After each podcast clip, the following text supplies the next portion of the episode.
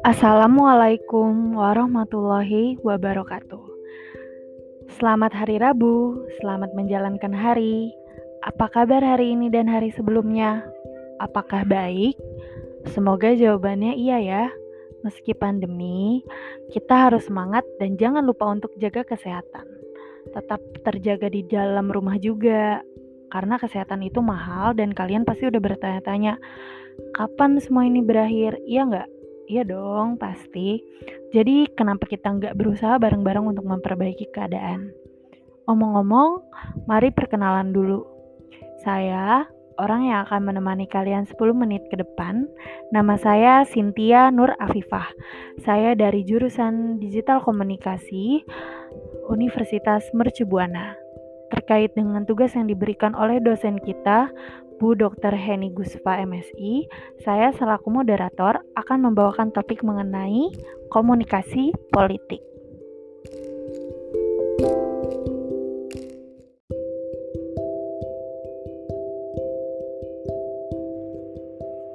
Pertama-tama, kalian sendiri tahu nggak sih arti tentang komunikasi politik?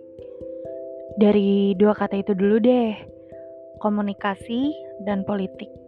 Komunikasi dan politik itu ada dua kata. Dua-duanya memiliki arti yang berbeda dan tentu saja saling berdiri sendiri. Komunikasi adalah pengiriman dan penerimaan pesan atau berita antara dua orang atau lebih sehingga pesan yang dimaksud dapat dipahami. Sementara politik adalah pengetahuan mengenai ketatanegaraan atau kenegaraan seperti tentang sistem pemerintahan atau dasar pemerintahan. Berbeda bukan? Tapi baik komunikasi dan politik itu sendiri, keduanya sama-sama memiliki tujuan objek yang sama. Apa coba? Benar. Manusia jawabannya. Terus, kalau komunikasi politik itu apa?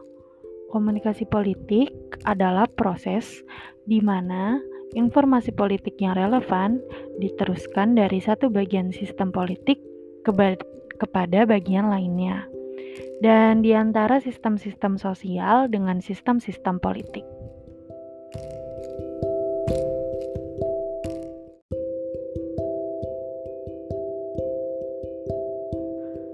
Nah, karena udah tahu arti komunikasi politik itu apa, Coba kita geser dikit ke unsur-unsur komunikasi.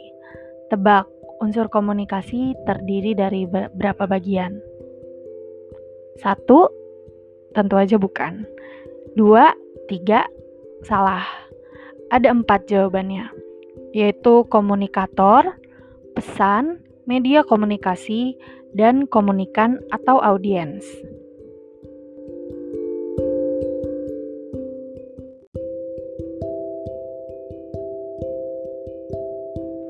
Satu, komunikator.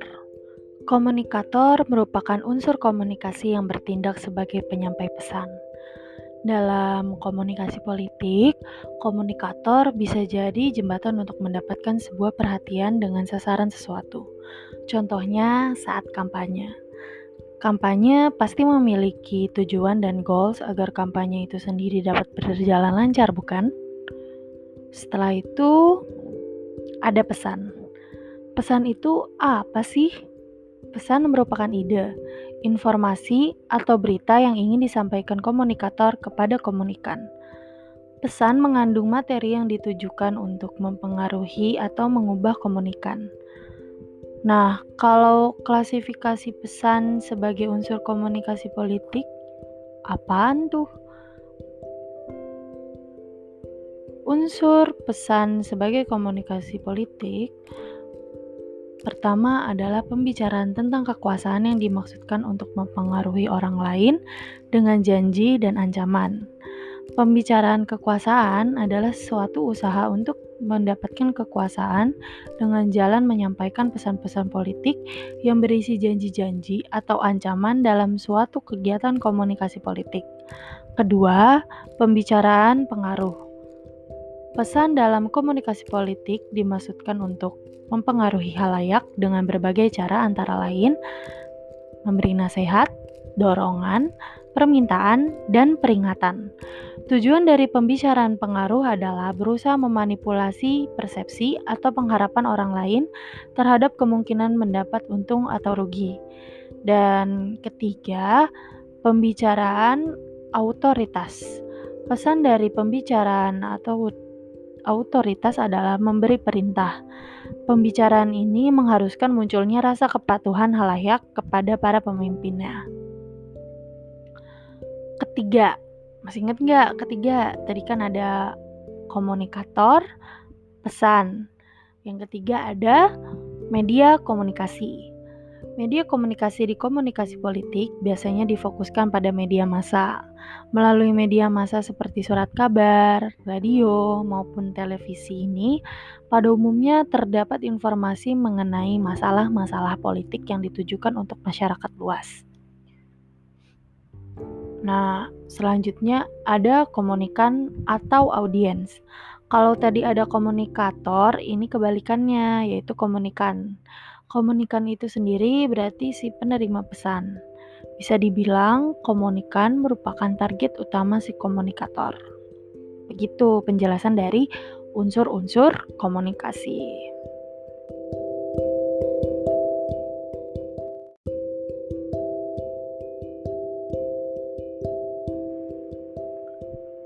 Lalu, fungsi dari komunikasi politik itu apa ya? Hmm, ada yang tahu nggak?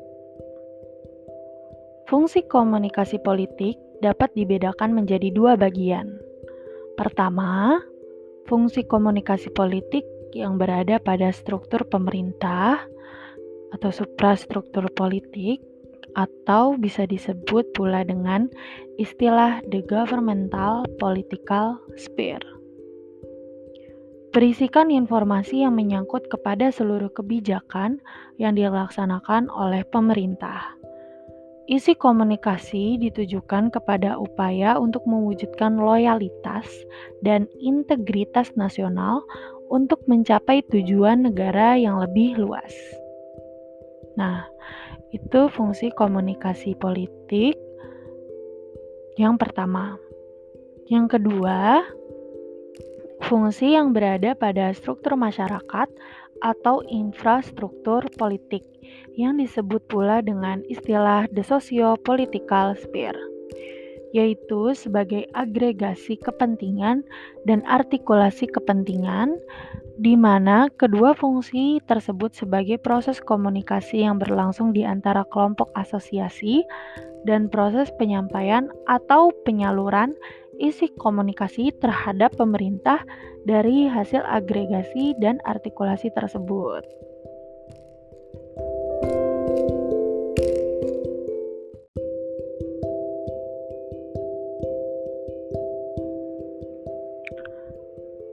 Tadi kan sudah dijelaskan tentang dua fungsi komunikasi politik. Nah, sekarang langkah-langkah agar komunikasi mempunyai tujuan dan makna. Ada delapan langkah nih, simak ya. Satu, memahami maksud dan tujuan berkomunikasi. Apakah Anda berbicara sebagai sambutan atau penyampai materi? Kedua, mengenali audiens. Anda harus tahu betul siapa dan bagaimana audiens yang dihadapi. Apakah kondisinya baik atau dia bisa menerima pesan dengan baik atau tidak dan sebagainya. Ketiga, penyampaian pesan dengan jelas.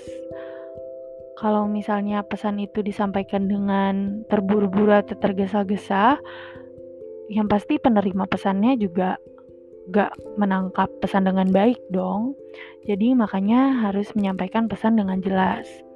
Terus menggunakan alat bantu atau media yang baik seperti presentasi misalnya atau contoh dari uh, maksud kampanye itu sendiri dan sebagainya. Terus memusatkan perhatian. Anda harus memusatkan perhatian kepada audiens dan juga harus bisa membuat para audiens memperhatikan Anda atau si komunikatornya itu. Jadi bagaimana bagaimana bisa semua audiens itu matanya tertuju pada kamu atau komunikator. Nah, habis itu menghindari gangguan komunikasi. Kan karena tadi harus disampaikan dengan jelas, pasti jangan ada sampai gangguan komunikasi dong. Kalau ada kan jadinya mempersulit penyampaian pesan juga. Terus membuat suasana menyenangkan dan nyaman. Biasanya kalau misalnya suasananya menyenangkan dan nyaman, kita juga sebagai pe, uh, penerima pesan bisa menangkap isi dan maksud tujuan itu dengan baik, ya kan? Jadi kita sama-sama clear gitu, baik dari penyampai pesan dan penerima pesan. Terus ada yang kedelapan, yang terakhir, menggunakan bahasa tubuh yang benar dan baik. Komunikasi yang baik dan benar itu ditentukan juga dari bahasa tubuhnya. Kalau bahasa tubuhnya ragu-ragu dan kikuk, pasti juga penerima pesan agak bingung dan agak nggak percaya ini sebenarnya benar atau enggak sih gitu. Pasti gitu kan. Jadi itu ada delapan 8 poin uh, sebagai langkah-langkah agar komunikasi mempunyai tujuan dan makna. Nah, jadi begitu deh singkatnya tentang komunikasi politik. Semoga dengan penjelasan podcast ini kalian bisa mengerti tentang dasar dan penjelasan seputar komunikasi politik. Baik, sampai sini aja dulu dari Cynthia. Sampai bertemu lagi di kesempatan selanjutnya.